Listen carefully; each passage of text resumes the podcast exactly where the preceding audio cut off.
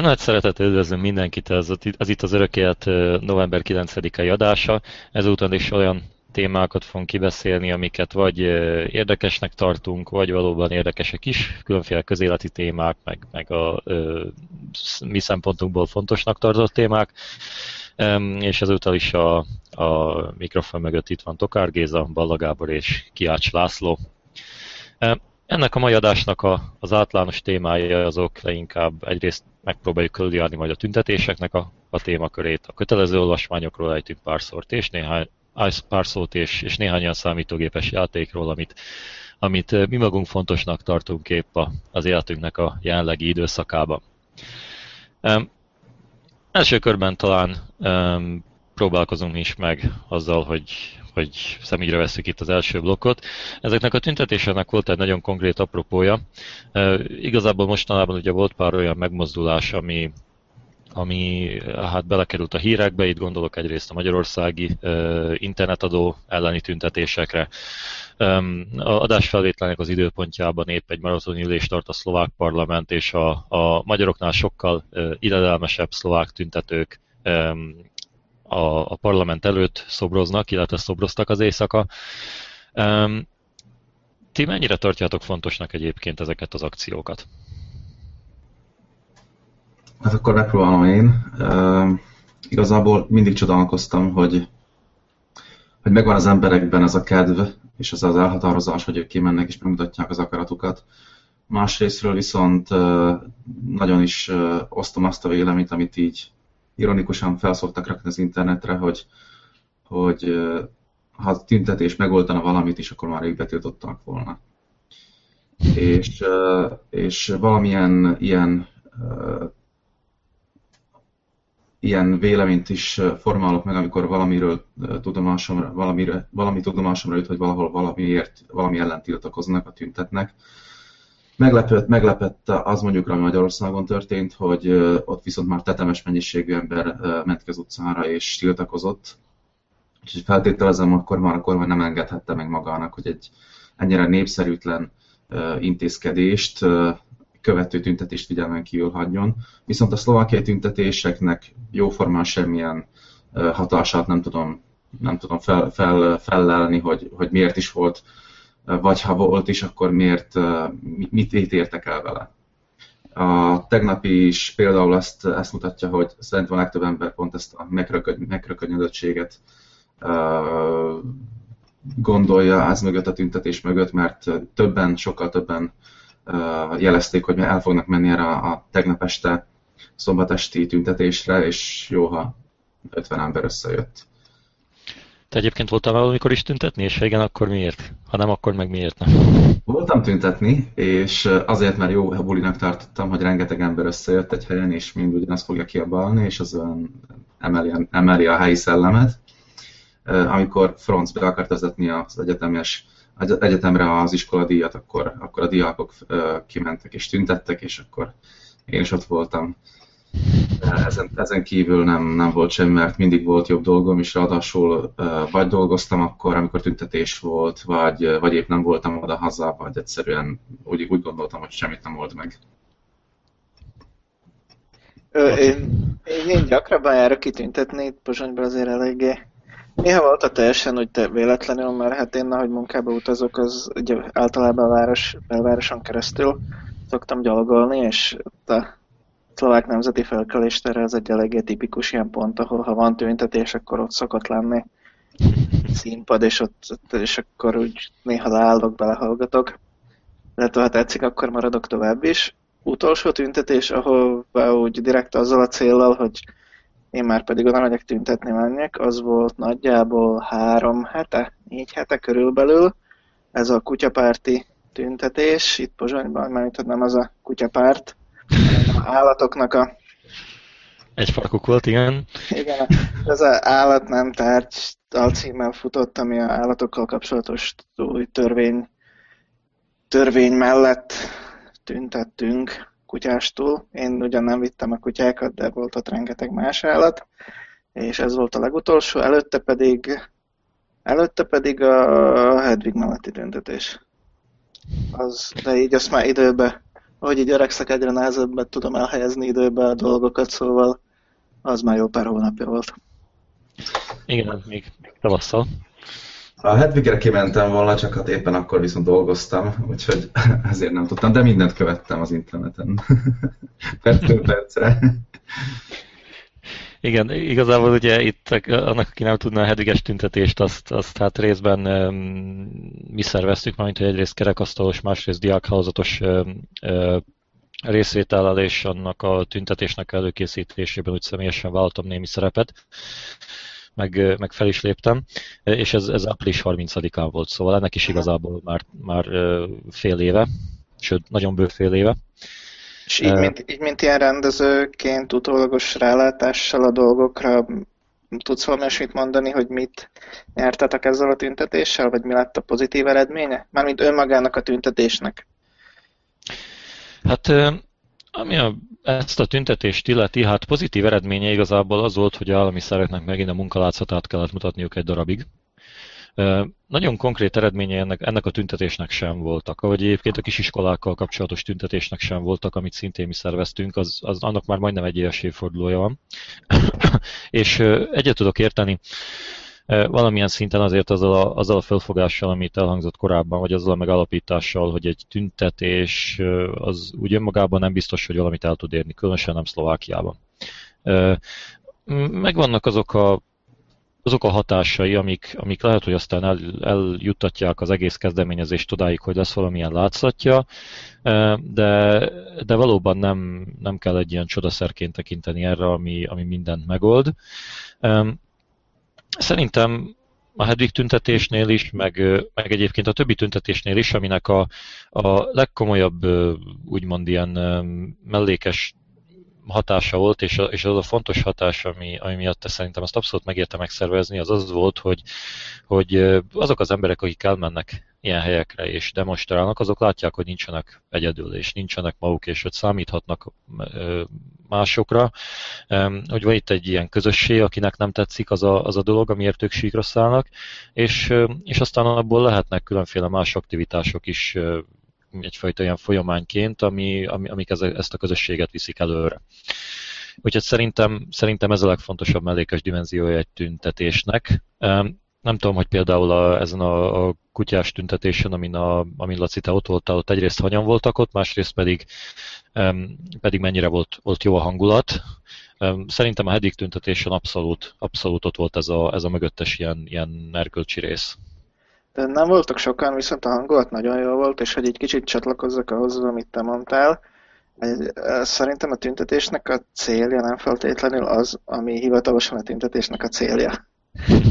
Szóval egy, egyrészt, nagyon, egyrészt nagyon elősegíti azt, hogy az a bizonyos dolog, amiről a tüntetés szól, belekerülne a köztudatba. Tehát maradjunk ennél a kutyás példánál, hogy kicsit egy olyan dologról beszélek, ami amit valószínű a hallgatóink kevésbé ismernek, de miután volt egy aprócska tényleg 100-200 emberes tüntetés, megjelent pár újságban, kicsit olvasók jobban képbe lettek, hogy mi is ez, mi mellett tüntetnek, mi ellen tüntetnek, hogy is van most a jelenlegi törvényhozásban, hogy vannak az állatok, ilyesmi. Nem mondom, hogy mindenki, de biztos több emberhez elért. Másik meg, hogy ami itt annyira nem jellemző, viszont annál inkább lehetőges esetre, hogy kicsit az, hogy nyilvánosságot kapott ez az egész, min, ö, belekényszerít bizonyos embereket egy olyan pozícióba, hogy dönteni kell, hogy mellette vagy ellene fognak kommunikálni. Tehát nem sokkal kevésbé tudnak kimaradni az egészből. Tehát ha van egy ilyen nagyobb dolog, akár például gorilla tüntetés, akkor egy komoly politikus nem mondhatja azt, hogy engem nem érdekel, hanem igenis mondja azt, hogy igen, támogatom, vagy pedig, hogy szerintem hülyeség az egész. És már ez is egy jó dolog hogy be vannak kényszerítve döntésbe, amit, amiben amúgy nem mennének. Mellesleg én nagyon-nagyon jót mosolyogtam, nem tudom, hogy szándékos volt-e a dátumválasztás pont a Hedvig tüntetés kapcsán, hogy az, ha jól sejtem, akkor április 30-a volt az Európa Unióba lépés napja, vagy valami ilyesmi volt. És emlékszem, hogy, hogy, a, hogy a külügyminiszter is sztepésen megegyezte, hogy pont ilyen szép ünnepen kell egy ilyen, ilyen rendezvényen ezt árulni. Szándékos volt egyébként, és majd ennek a tüntetésnek a kapcsán pont az volt egy ilyen utolsó pillanatokban is finom hangolásra szoruló dolog, hogy mi oda akartunk menni, ahol épp a politikusok vannak aznap. Aztán először kide- azt hittük, hogy máshol lesznek, aztán hirtelen kiderült, hogy nem is ott vannak, hanem egy teljesen másik helyen. Igazából már igazán gondolkodok, hogy a tüntetés miatt akarták átrakni a említett fogadást, tehát amit ugye uniós, be, unióból a belépés tizedik évfordulójára írtak ki, vagy, vagy egyszerűen mi hittük azt, úgy a heves lelkülettel, hogy, hogy valami hasonlót oldunk. Másrészt viszont az, az tényleg egy érdekes dolog volt, és egy ilyen mellékszönge, hogy, hogy nagyon sokan indultak ki ennek a tüntetésnek a, a megítélésénél is, amikor még csak úgy előkészletei, az előkészletei látszottak, hogy, hogy ez, ez valami hasonlóan bajkeverő akció lesz, mint mondjuk a későbbi gorilla tüntetések. Tehát amik ugye átfordultak egy ilyen törés, zúzásba. E, hangsúlyozottan nem az első tüntetésekről beszélek, hanem, hanem azokról a tüntetésekről, amik aztán később úgymond a, a, az eredeti résztvevők egy jelentős részének a lemorzsolódásával e, e, születtek, amikor már az, tényleg azok mentek oda, akik, akik balhét akartak. Na már most hogyha valaki azt hallja, hogy a magyarok mennek tüntetni Pozsonyba, akkor, hát akkor, akkor a magyarok címszó alatt nem feltétlen a, a, az egyszerű szlovákiai magyarokra gondol, hanem valamilyen árpátsávos futballszurkoló rétegre. E, nagyon féltünk attól, hogy ez a réteg lesz ott. Amit ugye nem lehet igazából kontrollálni, hogy ki az, aki fontosnak tartja, hogy elmegy, ki az, aki, ki az, aki ott megjelenik, és teljesen más, hogy jöttek ki a dolgok, rettentően kulturált volt az egész civilizált, és, és, és ami nekem még egyébként tetszett, hogy, hogy úgy valahogy megteremtődött az erkölcsi fölény, ami, ami egyébként nagyon fontos ebben a, ebben a dologban. Tehát, hogyha Malina Hedwignek az ügyéről beszélünk, ugye akkor azt kell látni, hogy egyszerűen Hedwignek van egy ilyen erkölcsi fölénye a hatóságokkal szemben, és a, a tüntetőknek is volt egyfajta erkölcsi fölénye az, az állammal szemben, ahogy oda mentek, ahol teljesen minden kétséget kizárólag olyan követeléseket fogalmaztak meg, teljesen civilizáltan, ami egy, egy, egy normális állampolgárnak mindenféleképpen az eszébe kéne, hogy jusson. Akik oda mentek és a leghülyébbek voltak, azok meg a szlovák nacionalisták voltak, ennek meg külön örültem akkor. És ez, ez szerintem minden tüntetés szervezőjének egy ilyen, ilyen dilemma lehet, amikor ezeket végig gondolja, hogy ő mit, mit vár attól a tüntetéstől, és hogy hogy fog az egész végül is végződni. Ennek, az, ennek a nacionalistáknak a megjelenésének apropóján annyit mondanék el, hogy, hogy aznap, pontosabban előtte való nappal, előtte nap való nap este döntötték el, hogy ők már pedig kimennek ellentüntetni oda a Hedvig tüntetésre, és és teljesen csalódottak voltak, amikor aztán nem kaptak engedélyt, de attól függetlenül ugye Rafael nem bírt megülni oda haza, és mégis kiment egy pár emberrel zászlót lobogtatni.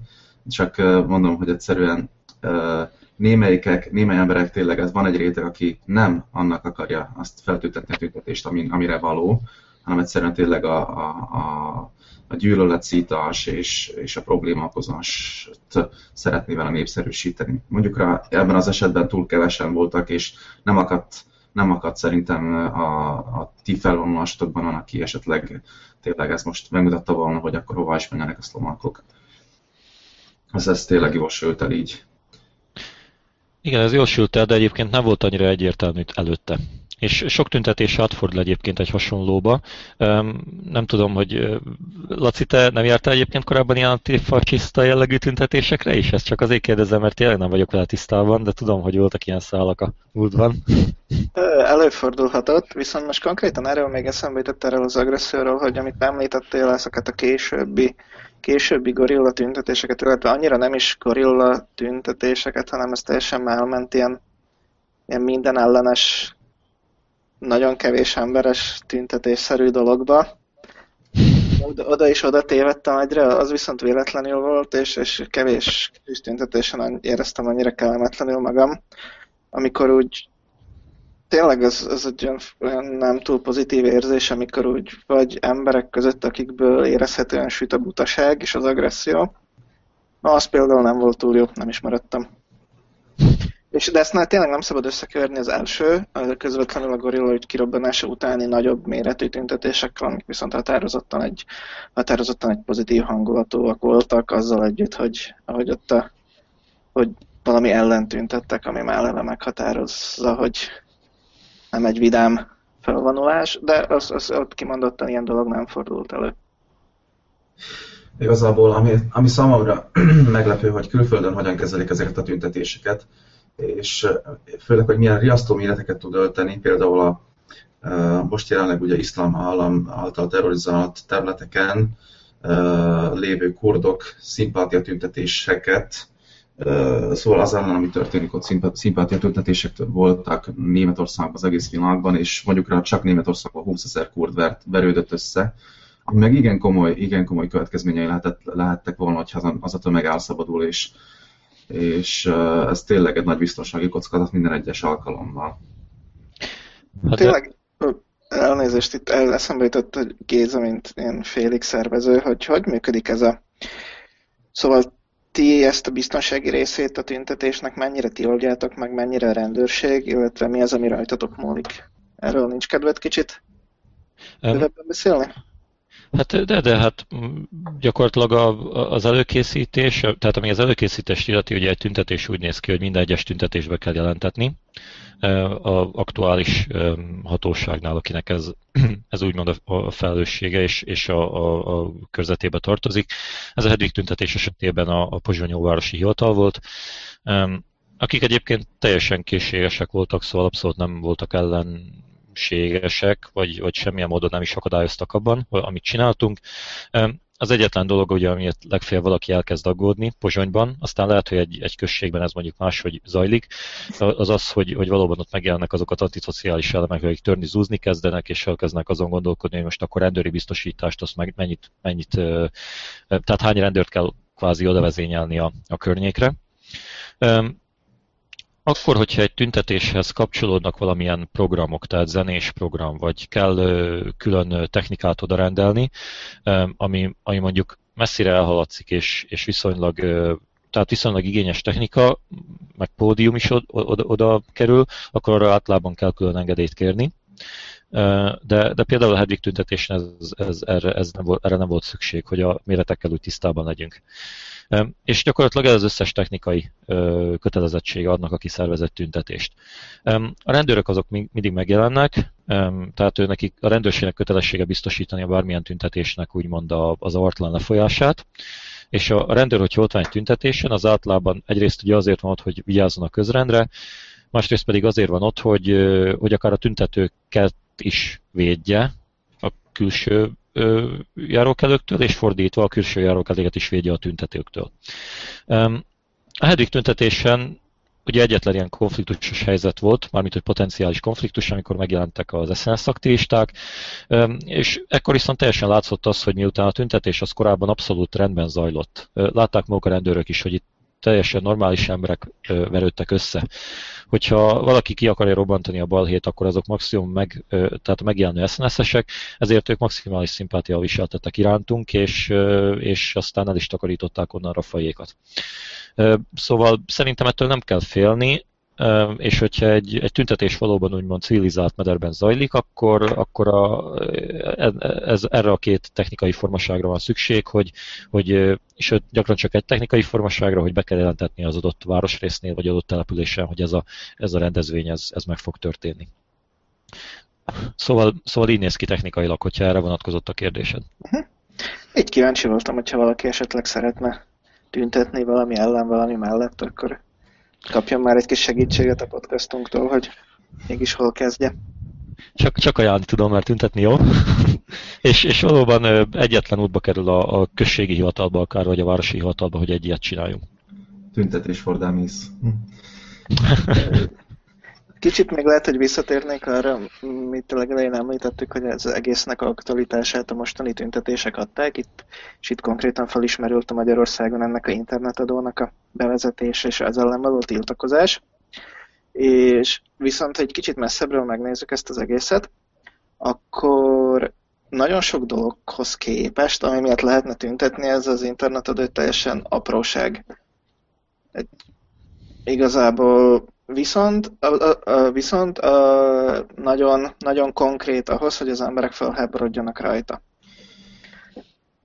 Hát igen, pont ez volt a, ez volt a leg, leg, legfájóbb pontja a legtöbb embernek, hogy néhány ország már arra készül, hogy állampolgári jogként kezelje azt, hogy mindenkinek, kötele, mindenkinek hozzáférhetősége legyen az internethez. Sőt, ingyenes, ugye? akkor, akkor Magyarországon megjelenik egy internetadós törvénytervezet. Úgyhogy a másik dolog, hogy meg jelenleg, amit tényleg csak az ember a leg, legőszintébb szólásszabadság kinyilatkoztatási területnek lehet felfogni, az maga az internet, és, és valahogy szerintem ez a legtöbb emberben úgy, úgy csapodott le, hogy, hogy egy újabb terület, ahol, ahol, ahol a szabadság van, az mármint átvitt értelemben, ezt, ezt meg lehet adóztatni, és, és ez, ez, ez vitte ki az embereket leg, legnagyobb részben az utcára. Én inkább arra gondoltam, amikor ezt az egészet felhoztam, hogy valahogy ilyen teljesen sok ilyen kézzelfogható dolgokkal, vagy olyan dolgokkal, amik nagyon, nagyon konkrétan belenyúlnak az ember zsebébe, illetve más dolgaiba, sokkal egyszerűbb az embereket az utcára vinni, mint akár sokkal nagyobb kaliberű, de kicsit elvontabb elvontabb dolgokkal. Tehát, hogy fű, ha fizetnem kell kicsit többet az internetért, megyek az utcára tüntetni, és nagyon durva dolgok miatt meg otthon ülnek, és úgy várják, hogy valami változzon. Hogy egyrészt, hogy ezzel lehetne valamit kezdeni, szerintetek. Másrészt meg, hogy Ja, igen, na Géza, hallom, hogy valamit nagyon akarsz már. Nem, Kétszer is levegőt vettél, na, úgyhogy akkor... Nem, csak kétszer is, kétszer is úgymond tettem egy ilyen kísérletet, de igazából arról van szó, hogy én ezzel nem értek egyet, több, több szempontból sem. Az egyik az az, hogy amikor ugye elkezdtük fejtegetni, hogy hol menjen mennek utcára, ott vannak például a katalán függetlenségi tüntetések, amik hihetetlen demonstrációk, és most értelmezés meg, meg számolásnak a függvénye, de abban az, hogy mindenki egyetért, hogy több százezer embert mozgatnak meg. Egy olyan teljesen elvont témával, mint mondjuk a katalán autonómia, illetve önállóság, hogy egész pontos tek, már nem is az autonómia. Ezek, ezek közép-európai szempontból értelmezhetetlen akciók, mert, mert egyszerűen nem tudjuk elképzelni, hogy egy ilyen elvont dolog hogy ilyet ki százreket az utcára, amikor itt lehet, hogy jó esetben százakat, ha kivinne. És hogyha már ott a internetes tüntetésről van szó, szerintem itt is az a kulcs, hogy nem feltétlen az vitte ki az embereket az utcára, hogy, hogy 700 forintot kell fizetniük a minden egyes letöltendő gigabyte-ért, vagy, vagy, vagy az internetért. Szerintem itt, ami, ami történik, az sokkal inkább az, hogy van itt egy hosszú távú, ilyen folyamatosan halmozódó társadalmi frusztráció, ami aztán valahol kibukik, valamilyen egyszerű oknál fogva, és ez most épp az internet a dolgot, de lehet, hogy lehetett volna más is, ami, ami egyszerűen úgymond így megindítja ezt a csapot, és mindenki, akinek van valami baja a jelenlegi helyzettel, az, az, az, az ott találja magát kint az utcán. Sokszor egyszerű emberek. Um, úgyhogy, úgyhogy én, én ezzel a, az alaptétellel nem értenék egyet, és azt mondanám, hogy, hogy az, ami kivisz valakit az utcára, az nem csak és kizárólag egy ilyen szűklátó, szűk körű ilyen gazdasági intézkedés, vagy amikor csak a mi, zsebünkre, mi zsebünkről van szó, hanem az általában egy ilyen tartós rossz közérzetnek így a, a fejlete. A jéghegynek a csúcsa, amikor valaki azt mondja, hogy jó, ebből már elég volt, megyek, aztán lóbálom a transzparenst egy órán át, mert, mert akármilyen értelmetlennek is gondoltam korábban ezt az egész tüntetősdit, most már úgy nem, nem maradhatok néma. Én legalábbis ezt így szoktam felfogni. Egyrészt örülök neki, hogy ellentmondasz, legalább ez az egész podcast nem tűnik annak, hogy itt három tökéletesen egyetértő ember egymást, egymás alá teszi a szavakat, de... Másrészt, másrészt. Másrészt ez a katalán példa jó, de nálunk nem találok nagyon alternatívát rá, szóval itt Közép-Európában, Magyarország, Szlovákia,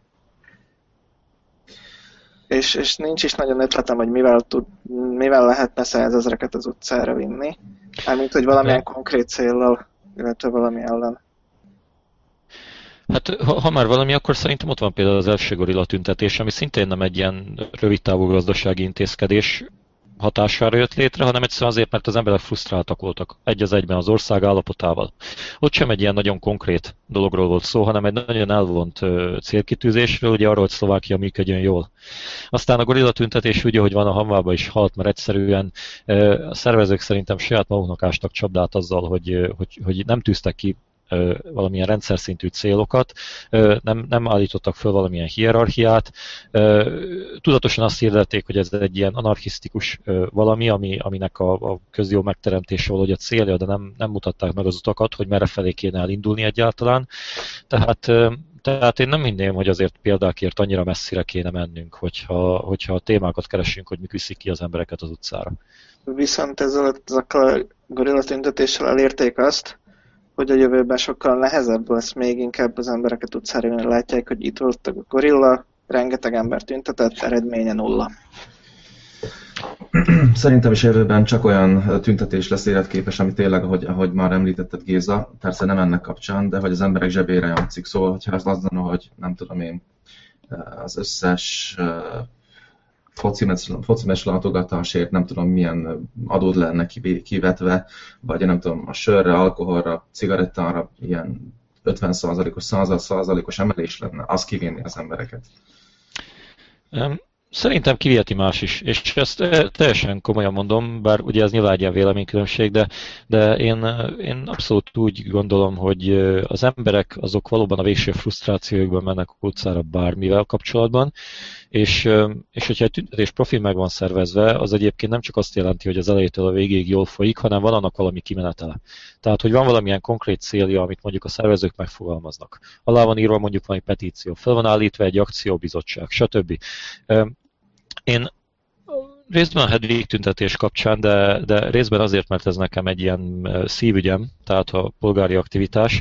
Én azért sok esettanulmányt olvastam el tüntetésekről, még a közép-európai régióban is, és voltak megdöbbentően sikeres tüntetések. Nem nálunk, de például a balkáni államok valamelyikében most nem akarok ostobaságot mondani, de talán Észtországban, ott például a tüntetések hatására, miután a tüntetőnek volt egy teljesen világos koncepciója, új törvényeket fogadtak el, és, és új intézkedéseket foganatosítottak, csak azért, mert, mert azok, akik szervezték a tüntetéseket, azoknak igazából volt egy tervük, hogy mit akarnak ezzel elérni. És szerintem Szerintem ez a fajta know-how, ez a tudásbázis, is simán átvezethető a, a szlovákiai viszonyokra is. Most a Hedvig tüntetést én nem akarom túlságosan idealizálni, de azt az első pillanatától kezdve a utolsóig tudatosan próbáltuk megtervezni, és olyannál tenni, amilyenné tettük. Ha legközelebb szerveznék egy tüntetést, akkor egészen biztosan azt szeretném elérni vele, hogy a kimenet, tehát az, hogy na jó, most tüntettünk, de mi legyen utána, az, az legyen egy sokkal, de sokkal konkrétabb, megfoghatóbb dolog, amire úgymond a tüntetés megadja a legitimitást, és azt, a, az, azt az apropót, hogy el lehet kezdeni azzal a dologgal foglalkozni. Ez az, ami, ami, ami sajnos, sajnos korábban nem működött, azért mert bele se gondoltunk, hogy működnie kéne, de legközelebb ezt a hibát biztos, hogy nem, nem fogjuk elkövetni. Legközelebb szóval terveztek valamit? Nincs kilátásban semmi konkrét, de, de e, ezekre a dolgokra egyébként szerintem szükség van. Tehát közösségi szinten van szükség, hogy, hogy akár a szlovákiai magyar se, akár, akár, akár valamilyen kisebb városi közösségek, falusi közösségek ilyen is kimenjenek a utcára és hallassák a hangjukat. Szóval ez, ez egy olyan eszköz, amit, amit nem szabad elhanyagolni, és egyre jobban tisztában vagyunk azzal, hogy miként kell ezt csinálni. Még erről, ehhez eszembe jutott, hogy itt említetted Hedviggel kapcsolatban a magyarokat, és nekem a, se a tüntetésen, se az utána, utána megírt újságcikkekben nem volt az az érzésem, hogy ez egy magyar tüntetésként lenne definiálva, ami nem tudom, hogy mennyire volt cél, vagy inkább csak így sikerült, vagy csak én látom rosszul. Ez valamilyen módon cél volt, bár szerettünk volna úgymond nagyobbat ütni a szlovák nyilvánosságon mármint hogy ezen a, ezen a résen bekerülni a szlovák, szlovák közegbe.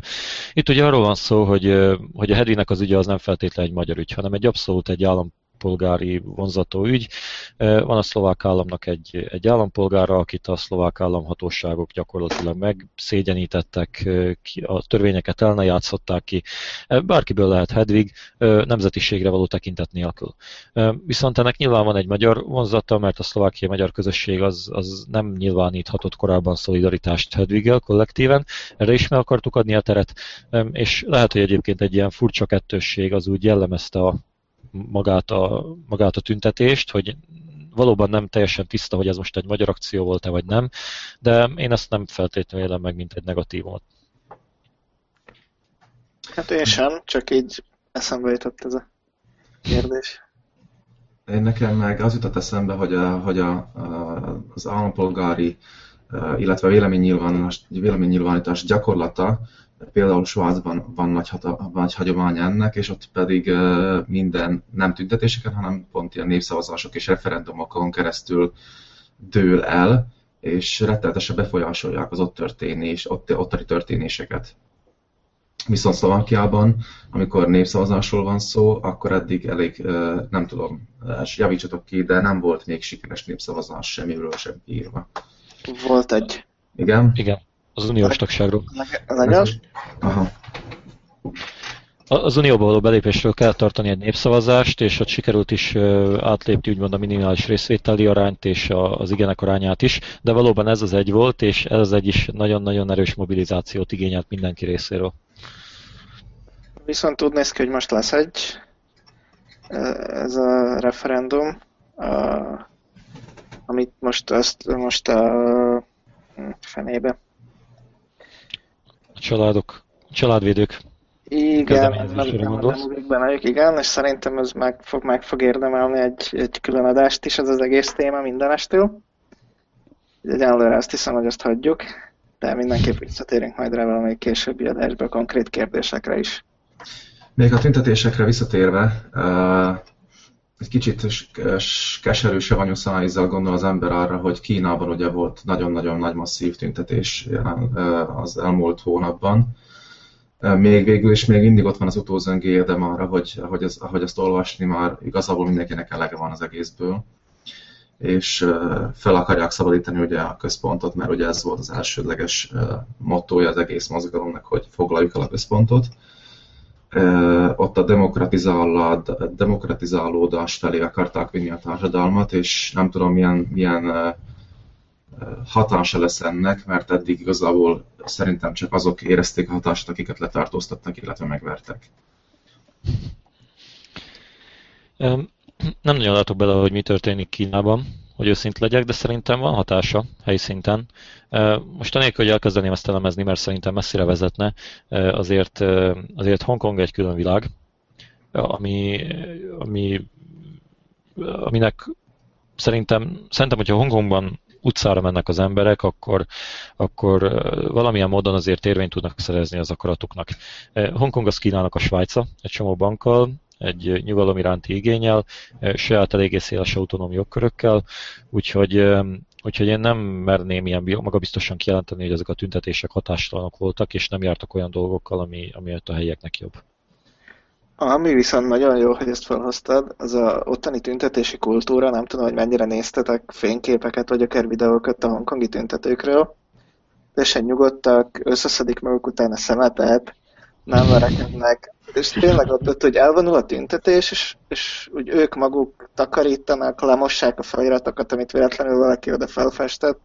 Ez egy teljesen más világ, úgyhogy nagyon nehéz, és ezt így a mi szemszögünkből megnézni, hogy megérteni, illetve összehasonlítani az itteni tüntetésekkel. Úgy ezt el sem tudnám képzelni. Az biztos. Hát, szerintem menjünk át a következő témánkra. Miután így a tüntetéseket kibeszéltük. Hát azt szeretném felbetorítani az hallgatóinkat, hogyha ezzel kapcsolatban lenne bármilyen kommentjük, hozzászólásuk, akkor bátran írjanak, akár a, akár a mail címünkre, akár a Facebook oldalon is most már lehet kommentálni. Úgyhogy esetleg bármilyen ötletik új témákra, vagy bármilyen más kommentjük a régebbi témákhoz, akkor nyugodtan mi örülnénk, hogyha bármilyen, bármilyen vissza, bármilyen, bármilyen reakciót kapnánk. Azt hiszem, hogy mindhármunk nevében ezt mondhatom, és látom, hogy Géza és Gábor bólogatnak. Én erre abszolút az áldásomat adom. Jó, második, második mai témánként pedig beszélgetünk arról, hogy visszakanyarodnánk esetleg az iskolai évekhez, és azon belül is az iskolában kialakult viszonyunk az irodalomhoz, amit legtöbbünk esetében, illetve a, legtöbb, a fiatalság legtöbb esetben úgy él meg, hogy kötelező olvasmányként, előírnak valamilyen könyvet, amit el kell olvasni, és abból beszámolók vannak, és ki így, ki úgy oldja meg a tartalom átvételét, internet segítségével gondolom a fiatalok egyre könnyebben úrják át azt az akadályt, amit az olvasás jelent, hogy ne kelljen az egész könyvet olvasni, hanem mindenféle elemzések, illetve tartalom, tartalom összefoglalások léteznek. Ettől függetlenül viszont szeretném megbeszélni veletek, ti, ti hogyan éltétek meg ezeket a kötelező olvasmányokat, melyiket olvastátok el, melyiket, melyiket tartottátok fontosnak, hogy ezt tényleg érdemes is volt elolvasni, és csak példaként említenék egy párat, amit, amit hogy legyen kiindulási alap, mert ugye akárhogyan is fiatalok vagyunk még, de azért már van az alapiskola és a, középiskola is.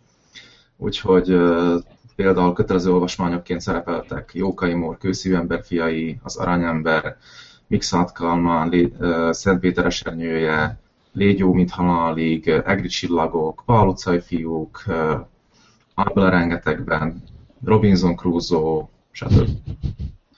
Antigone, ugye, esetleg valaki... Jó, igen. Valaki adott meg, vagy szerette ezeket a drámákat, akkor erre lehet visszakanyarodni. Nem tudom, hány, hányan értették az Antigonét? Én totálisan nem értettem. El is felejtettem, hogy miről szól. Hát, amiket itt felsoroltál, én tényleg azt én már megtanultam olvasni az általános iskola előtt, szóval olvastam már ilyen egyszerű könyveket, és tényleg nagyon sokat olvastam, főleg alapiskolában, akkor még volt rá időm. Ennek ellenére a kötelező olvasmányok jó részét nem, és igazából nem is érdekelt, de a legelső volt, amitől tényleg meggondorodtam, az az, az, az előbb említett Antigoné. Nem, már pedig ezt nem fogom elolvasni. És, és onnantól kezdve gimnáziumban nem is nagyon nem is nagyon olvastam kötelező olvasmányokat. Előtte se sokat, de az volt az a pont, hogy teljesen feladtam. Én, én, én sokat olvastam, én azért olvastam a kötelezőket. Én szintén, szintén már iskola előtt olvastam, és meg volt az a sajátos fejlődésem, hogy mikor, mely, életem melyik időszakában miket olvastam. Viszont ami a kötelezőket illeti, ott, ott rengeteg könyvet tartottam egyébként nagyon-nagyon unalmasnak. A, az, az Antigone az, az simán csak érthetetlen volt. Voltak unalmas könyvek, voltak rettentő rossz könyvek. Nem tudom, hogy mennyire sértek meg bárkit is, aki szereti a magyar irodalmat, de én, én egyenesen büntetném például a árvácska kitalálóját, meg azt, aki rákényszeríti a, a gyerekeket, hogy olvassál az árvácskát, meg az jó mintaláligot, ami gyakorlatilag, nem tudom, tehát a öngyilkossági, Magyarországi öngyilkossági rátában szerintem egy ilyen 10%-okban kimutatható romlást hozott, úgy globálisan ezeknek a könyveknek már csak a léte. Úgyhogy van némi, némi rezerva, van, van, van némi elmaradás a oktatásnak, ami ezeket a kötelezőket illeti, és sokkal, de sokkal aktuálisabb és frissebb hangvételű könyveket is lehetne olvasni ezeknél. Igen, próbáljuk meg kicsit konstruktívabban hozzáállni, mert eddig mind a hárman elmondtuk, hogy ez nagyon nem jó, és nagyon nem szeretik. Ez nem igaz, mert én igazából csak felolvastam, hogy, hogy pontosabban elmondtam, mik voltak. Igen, a te listádra Robinson például olvastam, és tetszett. Az jó is volt. Annyit akarnék hozzáfűzni, hogy én a legtöbbit olvastam, és nekem tetszett is. És a, például olyan szinten, hogy az egri csillagokat mai napig is elolvasom, épp, épp a nyáron olvastam el hetedszer. És... Én ennek mindig csak a második felét olvastam, amikor megkezdődik az ostrom, az jó. Az első fel az unalmas. De nem tudok egyetérteni veled. Mindenesetre Mindenesetre én nagyon nagy rajongója voltam a magyar irodalomnak, és, és nem véletlenül mentem magyar irodalom szakra is. De attól függetlenül nekem már gyerekkoromban rengeteg, rengeteg pozitív élményt, persze Pál utcai főkat rettenetesen rühellettem, azt, azt el kell mondjam, hogy az nekem sem tetszett. De viszont érdekesség, hogy ha nem tévedek, akkor Brazíliában is kötelező olvasmány a Pál fiúk, úgyhogy nem csak a magyar gyerekeket adottak meg ezzel. A, a palucai fiúknak a második része egyébként szintén jó, tehát a homokvároknak a, az ostroma, a, a, úgymond a fatelepnek a, a, a bevétele, az szerintem az egri csillagokkal egyenértékű epikus mű. Erről még így eszembe jutott, hogy tényleg, hogyha te így ö, egyetemen is tanultad ezt, te magyar tanár, vagy magyar szakos? Így van. Na, na szóval ott volt valamilyen ilyen nézet, hogy miért, miért is jók ezek a kötelező olvasmányok, vagy egyszerűen csak mondták, hogy ezek a kötelező olvasmányok, vagy mit, milyen, mit tanultátok ti ezeket, vagy hogy működik ez nekem nem képzelni? Nem. Érdekes módon a kötelező olvasmányokról szinte alig esett szó, Gardonyit teljes mértékben ignoráltuk.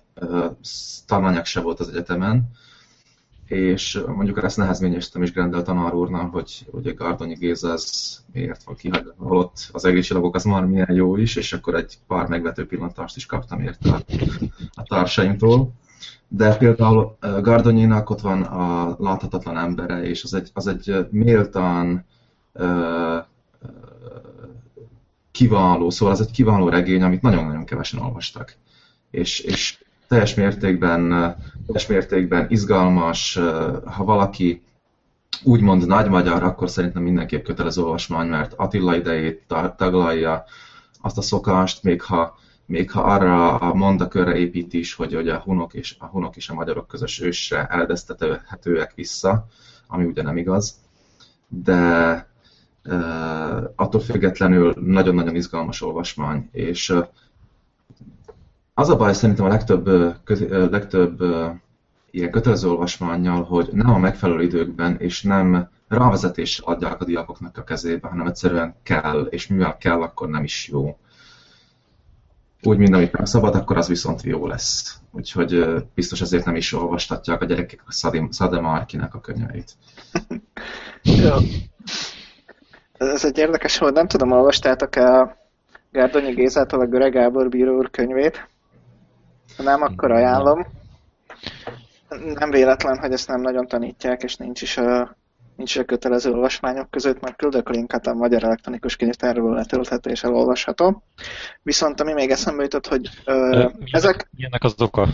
Milyen, milyen könyörről van szó most, mert egy kicsit fölcsigáztál, hogy ez mi, miért, miért nem olvastatják? Egy elég ilyen, ilyen antihős, szóval hát nem egy követendő példa, ezért is. Igen, de elküldöm, elolvas, elolvasod, és akkor megbeszélhetjük legközelebb. Tényleg nem akarok, kíváncsi vagyok, így mit szólsz hozzá. Ugye első, első, elsőre teljesen más típus, mint, a, mint, a, a, mint az egri csillagok. De most kicsit kiment a fejemből, mit is szerettem volna ehhez hozzátenni.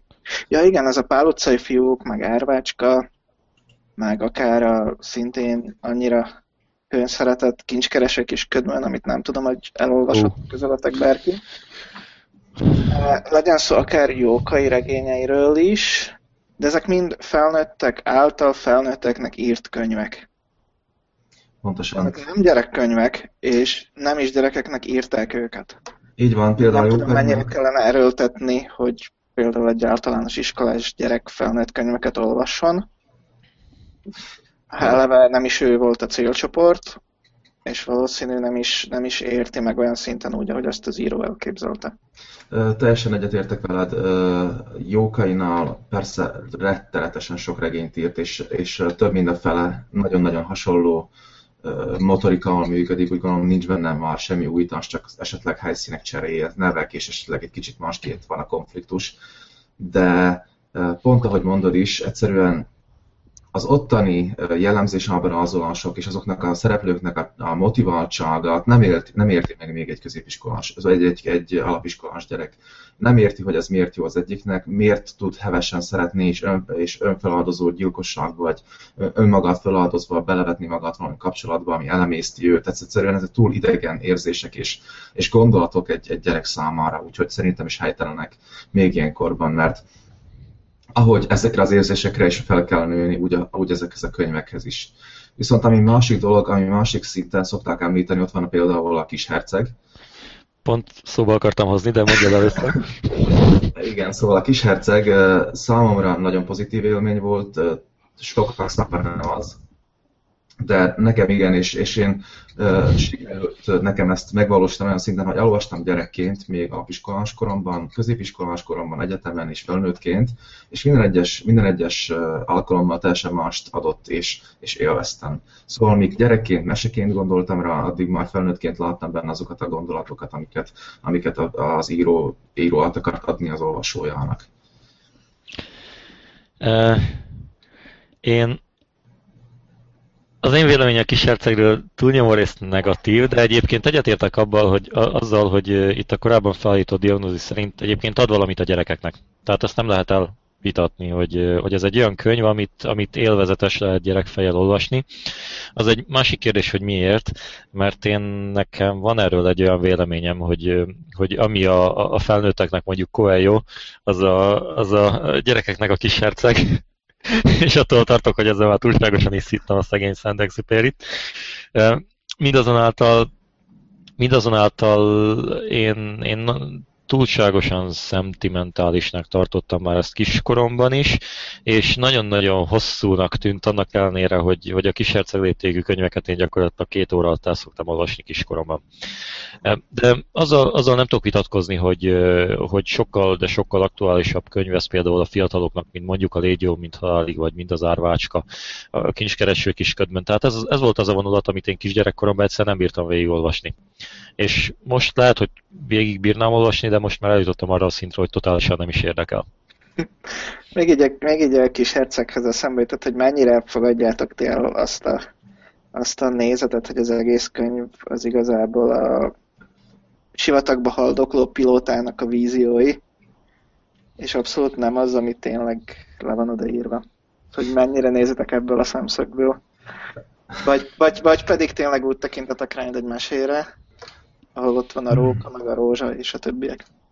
Igazából uh, irodalmelméleten gyakor ezt úgy hívták, hogy gumicsont, mivel hogy uh, ezt bármeddig lehet rágni, és bármilyen szempontból, és soha nem lehet, soha nem lesz vége, úgyhogy ez, ez szintén egy, egy uh, én nem is tudom, halal fuga az hasonlítható vers, aminek annyi értelmezése és, és, és képi eleme van, amit ha akarsz meseként fogsz föl, ha akarsz, akkor halucinációként. Úgyhogy nem, nekem mondjuk rá, mielőtt még, mielőtt még olvastam volna az okosok hozzáállását, például ezt a halucinációs elméletet, nekem teljesen meseként jött le, és eszembe se jutott volna, hogy, hogy ezt, ezt, akarjam, ezt akarjam megvalósítani, de ez tényleg csak nézőpont kérdése. Amúgy nekem is, és igazából én egy kettőtök között vagyok, szóval annyira nem fogott meg, de igazából nincsenek nagyon negatív érzelmeim se az irányába, szóval elolvastam, meg volt, most nincs meg ez a könyv, de hogyha el kellene még egyszer olvastam, akkor se néznék nagyon csúnyán.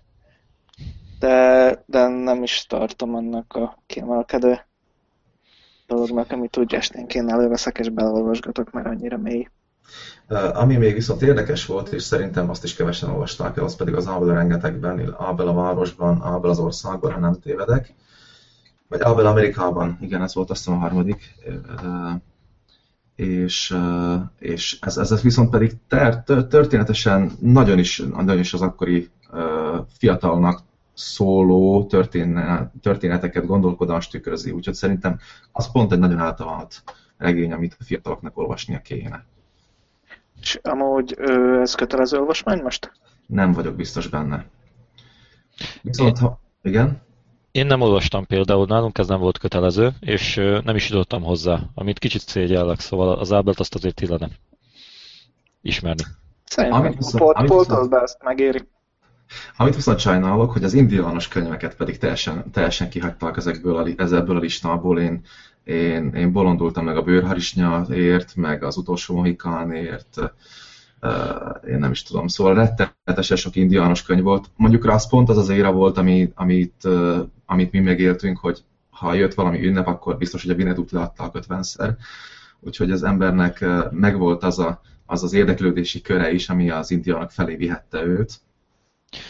Azért a nagy fekete Vinetú, nem tudom, hogy mege van nektek ez a, ez a könyv, egy ilyen óriási fekete könyv, az A4-esnél lehet, hogy még nagyobb formátumú is, piros és kék betűkkel, és fehér betűkkel, az, az egy határozottan meghatározó eleme az ember fejlődésének. Az enyémnek biztos, hogy az volt, többszörösen is olvastam a, a, a, az összes, összes részét ennek a regényfolyamnak, zseniális könyv volt, és sajnálatos módon tényleg nem volt egyébként a kötelezők között.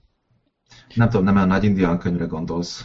Nem, én a, én a Vinettúra gondolok, a nagy indián könyv szintén megvolt, de a Vinettúnak a nyomába se érne szerintem. De ez megint csak ízlés kérdés.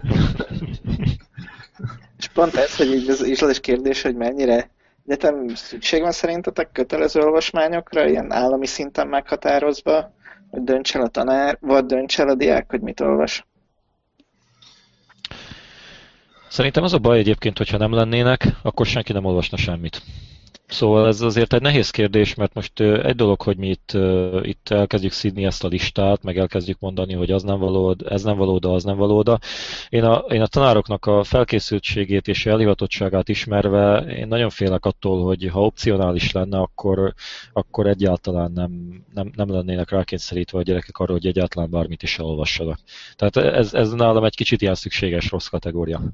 Jó, de lehetne a 20 könyv helyett mondjuk 100, amiből 20-at választhat. Ami már azért egy kicsit jobb megoldás. Igen, ezt, ezt a pszichológia a gyerekeknél nagyon ajánlatos alkalmazni, amikor az van, hogy kettőből válasz egyet, és akkor meg úgy érzi, hogy ő is választott, és te is megszabtad, amiből lehet. Úgyhogy szerintem ez, ez egy kívánatos dolog. Kicsit negatívan hangzott a gyerekekre nézve, hogy de nem, egyszerűen tényleg a gyereket uh, még vezetni kell, és vezetni kell azon is, hogy, hogy milyen irodalmi ízlés alakuljon ki nála, és ne az legyen, hogy a, én nem is tudom, a Mars hercegnője legyen nála a leg, leg, leg szuperabb könyv, amit valaha olvasott. Nekem tetszett. Nekem is, de attól függetlenül, de attól függetlenül. Én teljesen, teljesen ki lennék békülő, hogyha a Mars hercegnője lenne az etalonkönyv. De, de nem tudom. Azt hittem, hogy, azt hittem, hogy most itt megalkotjuk a nemzeti minimumot, és akkor ebben meg is egyezik. De hát akkor nem. Volt egy ilyen nagyon jó, nagyon jó dolog, hogy, hogy az öcsém ment egyetem, ment felvételizni egy pesti konzervatóriumra, és akkor az igazgatóval beszélgetett, és kérdezte, hogy meg a kedvencen, mit olvastam, és akkor hát szerencsétlenségére pont a Mars hercegnőjét hoztuk fel hogy a, a tekintélyes igazgató úr soha nem hallott még a Mars hercegnőjéről, és, és fel is hogy ez ilyen durva konyvalegény lehet. Hát ennek ellenére felvették, csak mondom, hogy mondtam neki, hogy jó, hogy nem a Donald Kacsát elmetetted, vagy, vagy valami Miki, Miki Egeret. Kérem magamnak. Kérem magamnak, hogy Donald Kacsával említsék egy napon a Mars hercegnőjét. Azért Bocsánat, szerintem, aki kicsit ott van az amerikai irodalomban, ennek azért illene, hogy valamit mondjon a Mars hercegnője és a Tarzanok írójának a neve. Szóval az nem, nem teljesen ismeretlen, de érthető. Viszont teljesen hiányoznak ezek a, tényleg ezek a ponyva-szerű, vagy ponyvának kikiáltott könyvek. És erről még az jut eszembe, hogy nagyon nehéz, el, például itt van rejtő, mint író, és ő is ponyvákat írt, nagyon jókat, nagyon szeretem a könyveit, és nagyon nehéz elfogadtatni, hogy ez is művészet, ez is irodalom sok emberrel.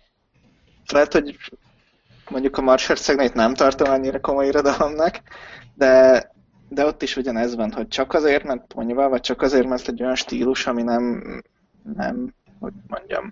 Nem kanonizált. Nem kanonizált, még abszolút nem, nem, nem kell, hogy ez egy rossz könyv legyen, vagy ne olvassák el, vagy akár ne legyen kötelező olvasmány. A másik ilyen dolog, amit viszont most anélkül, hogy bárki bármit is feltételezne rólam, vagy a nézeteimről, amit viszont nagyon kevesen ismernek, és, és csak egy bizonyos sztereotípia létezik róla, az a Biblia aminek rengeteg érdekes és, és olyan szakasza van, amiben erotika, szex, erőszak meg. Most komolyan, minden, minden viccet félretéve, és igyekeznek azon az irodalomtanárok, vagy lehet, hogy igyekeznek, de nem ez a, nem ez a fő törekvés, hogy, hogy ne csak úgy mutassák be, mint egy száraz vallási könyvet, hanem egyszerűen, mint, mint, egy, mint egy tudásbázist, ami, ami valamilyen ismeretanyagra, annak, annak idején élő emberek történeti mese, mesevilágára, mondavilágára utalt vissza. Szóval, hogy, hogy nagy, nagy probléma az, hogy, hogy csak, a, csak ezeket, a, ezeket a nagy vonalakban leírt dolgokat veszik át, és nem hívják fel figyelmet arra, hogy sokkal több van mögötte, mint, mint ez a felszínes ismeret. Ez a képes biblia gyerekeknek, nem erre gondolsz? Nem, nem, nem. Az, ott is csak a notorikus történetek vannak. Szóval uh, igazából olyan, olyan, hogy én nem is tudom, Szodoma Gomorát, és tudja, tudja mindenki, hogy miről van szó, de hogy előzmények, hogy ott uh, mi volt, mi nem, stb. Ez, ez egyszerűen teljesen más képet ad a Biblia megítéléséről, még ha, még ha, uh, még ha nem, nincsenek is benne az apokrifák, ugye azok az, azok az iratok, amelyeket az egyház kihagyatott a Bibliából. Igen, igen. Viszont erre eszembe jutott, hogy akkor még egy kicsit átmegyünk könyvajánlóba, és tényleg érdekel ez a Biblia, én nemrég olvastam egy nagyon jó könyvet Robert Wright-tól, Isten evolúciója a címe. Nem tudom, hogy ki jött magyarul, könyv csehül van meg, Uh-huh. És ezt viszont kölcsönzöm, ha érdekelne, mert pont ilyen megpróbálja akár a Bibliát is kicsit ilyen konkrétabb oldalról megfogni, hogy hogy alakult ki, miért ilyen a formája, és vannak benne nagyon érdekes dolgok. Például egy, egy konkrét példát felhozok, ez Dávid és Góliátnak a harca. Mindenki tudja, hogy volt a Góliát a nagy böhöm, és a Dávid a kicsi, aki a paritjájával lecsapta, és senki nem számított rá. Viszont, ha megnézzük az egészet a akkori haditechnika oldalról, gyakorlatilag Dávid volt az, aki a technikai és hadi fölényel rendelkezett gólját fölött. Tehát abszolút nem arról szól az egész történet, hogy a kis esélytelen Dávid megöli a góliátot, hanem arról, hogy a Dávid, akinek ott a paritjája, mivel embereket öltek, és azzal gyakorolt, és sokkal nagyobb esélye volt megölni a másikat, legyőzte góliátot. Ami ezért kicsit más szemszögből mutatja meg ezt az egészet, de ez csak ilyen apró érdekesség. Maga a könyv sokkal többről szól, ezt szerintem téged érdekelne. Lehet. Úgyhogy majd erre jársz, akkor kölcsönzöm, hogyha kell. Jó.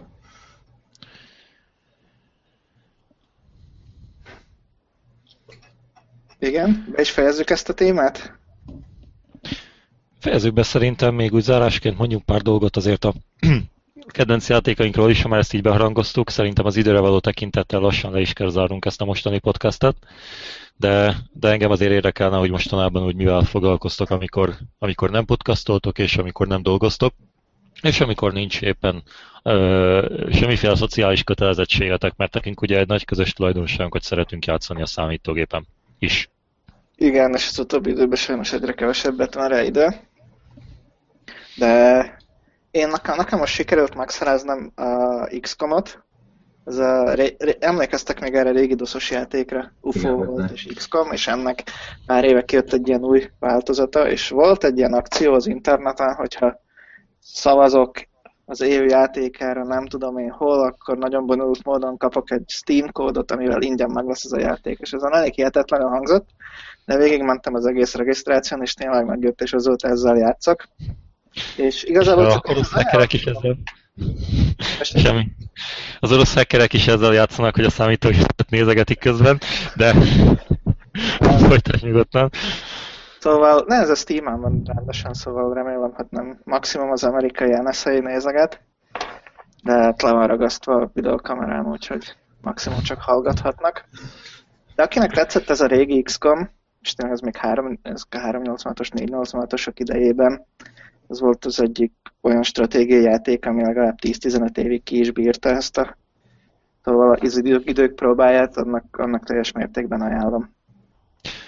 Ugyanolyan könnyen megvannak benne az embereid, mert én az első iszkommal őszintén szóval nem játszottam túl sokat, Pont, pont azért, mert nagyon nehéz volt veszteség nélkül lehozni a missziókat. Ugye megy az ember, összeállítja a csapatot, azt hiszi, hogy minden remek, és akkor egyszerűen csak valaki valahonnan lő, egy ember mínusz, jó esetben, rossz esetben kettő, és egy, egy, egy kicsit demotiváló, fogalmazzunk úgy. Hát ez olyan, hogy vagy, vagy könnyű fokozatlan játszod, én könnyűre állítottam, mert én nem volt kedvem nagyon gondolkodni közben, inkább ilyen levezetésnek használom, amikor munka után bekapcsolok egy küldetést, vagy pedig megtanulsz együtt élni azzal, hogy halnak az embereid, ami valamennyire így a felnőtté váláshoz segít szerintem.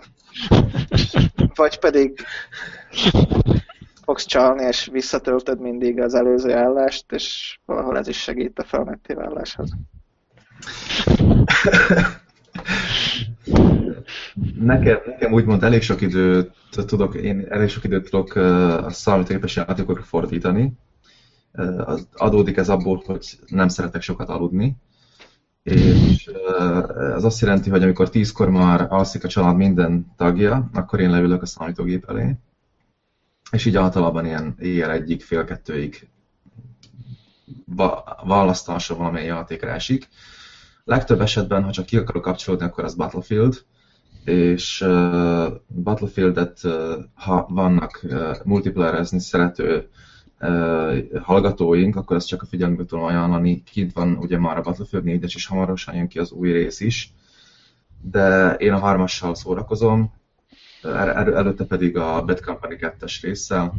Nagyon pergős, és nincs az az érzés, van az az érzés persze, de attól függetlenül nagyon-nagyon kellemes érzés, az, amikor egy egy, egy snipert, aki már nem tudom, hanyatszor szedi le az embert, és különböző helyekről bukkan föl, és sikerül mögé lapózni, és kést nyomni a hátába, az egy felemelő érzés. Pláne, hogy az a játékos, pláne az a játékos mondjuk rá osztályokkal jobb nálad, tegyük föl, te vagy egy ilyen négyes szinten, és az illető még már százas szinten van, akkor az ilyen megsimogatja az ember lelkét, és, és nagyon jó feszültséglevezetés. Illetve, ha már feszültséglevezetés, akkor Mortal Kombat, ez a legújabb rész, ami kijött, illetve, illetve még aztán vannak ilyen csoport, van ilyen csoportom a számítógépes játékgyűjteményemben, hogy, hogy, hogy waiting list, vagy urgent play, ahol pedig ilyen régen nagy, nagy, nagy címnek tartott játékok vannak felsoroltatva, amelyekhez még nem jutottam hozzá, és most például a Mafia 2-est játszom, aminek nagyon jó az atmoszférája, és ajánlom szintén mindenki figyelmébe. Nekem ezekkel a lövöldözős játékokkal az a legnagyobb problémám, hogy abszolút nincs tapasztalatom, illetve nagyon keveset játszok, úgyhogy ha néha megjelennek egy online szerveren, akkor, akkor ott semmi, igazából egy kis sikerélményem sincs. Laci, ez a felnőtté válásodhoz én úgy gondolom. Ez az ember felnőtté válása az egy nagy lépés, amikor lebékél az, hogy egy háborúban ötlönnék le először. Hát, igen, de mint biztos jó. Lehet, hogy még valamikor megpróbálkozok, bár a Battlefield az már hármasra fut a gépemen.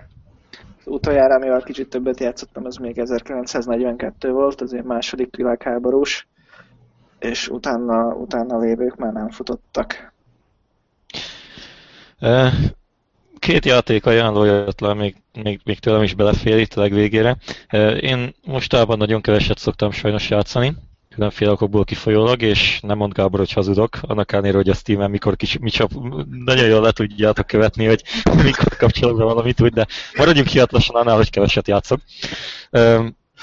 Összességében két, két játék az, amivel néha szoktam foglalkozni. Az egyik az, az én meglehetősen szeretem az amerikai focit, és a Madden NFL nevű kis amerikai foci e, szimulátort azt, azt néha beszoktam kapcsolni, hogy játszak egy-egy meccset. Csak ajánlítom mindenkinek, aki, de szerintem mindenki ismeri is, aki, akinek valamikor valami, köze is volt az amerikai focihoz. És a másik játék pedig az a Terraria, ami egy rettentő egyszerű, egy kétdimenziós grafikájú kis játékkocska, aminek igazából nincs olyan meghatározott célja, generál az ember karakterének egy kis világot, ahol lehet aztán magunknak házat építeni, lehet különböző karaktereket becsalogatni, közben bányászhatunk, vadászhatunk, egyre jobb és jobb felszereléseket összevásárolhatunk magunknak, és igazából van mögötte egy történet is, ami azt jelenti, hogy vannak ilyen ellenségek, amely ilyen főnökök, akiket a játék különböző pontján elő lehet csalogatni, vagy különböző helyszínein, azokat, hogyha, hogyha legyőzzük, akkor, akkor gyakorlatilag a maga a játék is ö, úgymond fejlődik, megjelennek az első lehulló meteoritok, a goblin támadások, ö, az erősebb ellenfelek és a hard mod. Ö, nagyon addiktív, és, és miután egy kicsit ilyen nyitott végű játék, ezért nincs egy meghatározható célja, de, de oda tudja szögezni az embert a képernyőkhöz. Ez volt a Terraria. Uh-huh.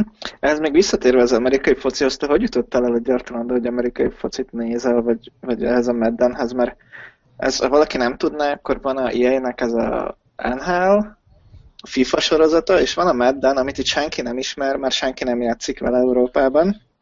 Ja. meg egy-két kollégáját leszámítva.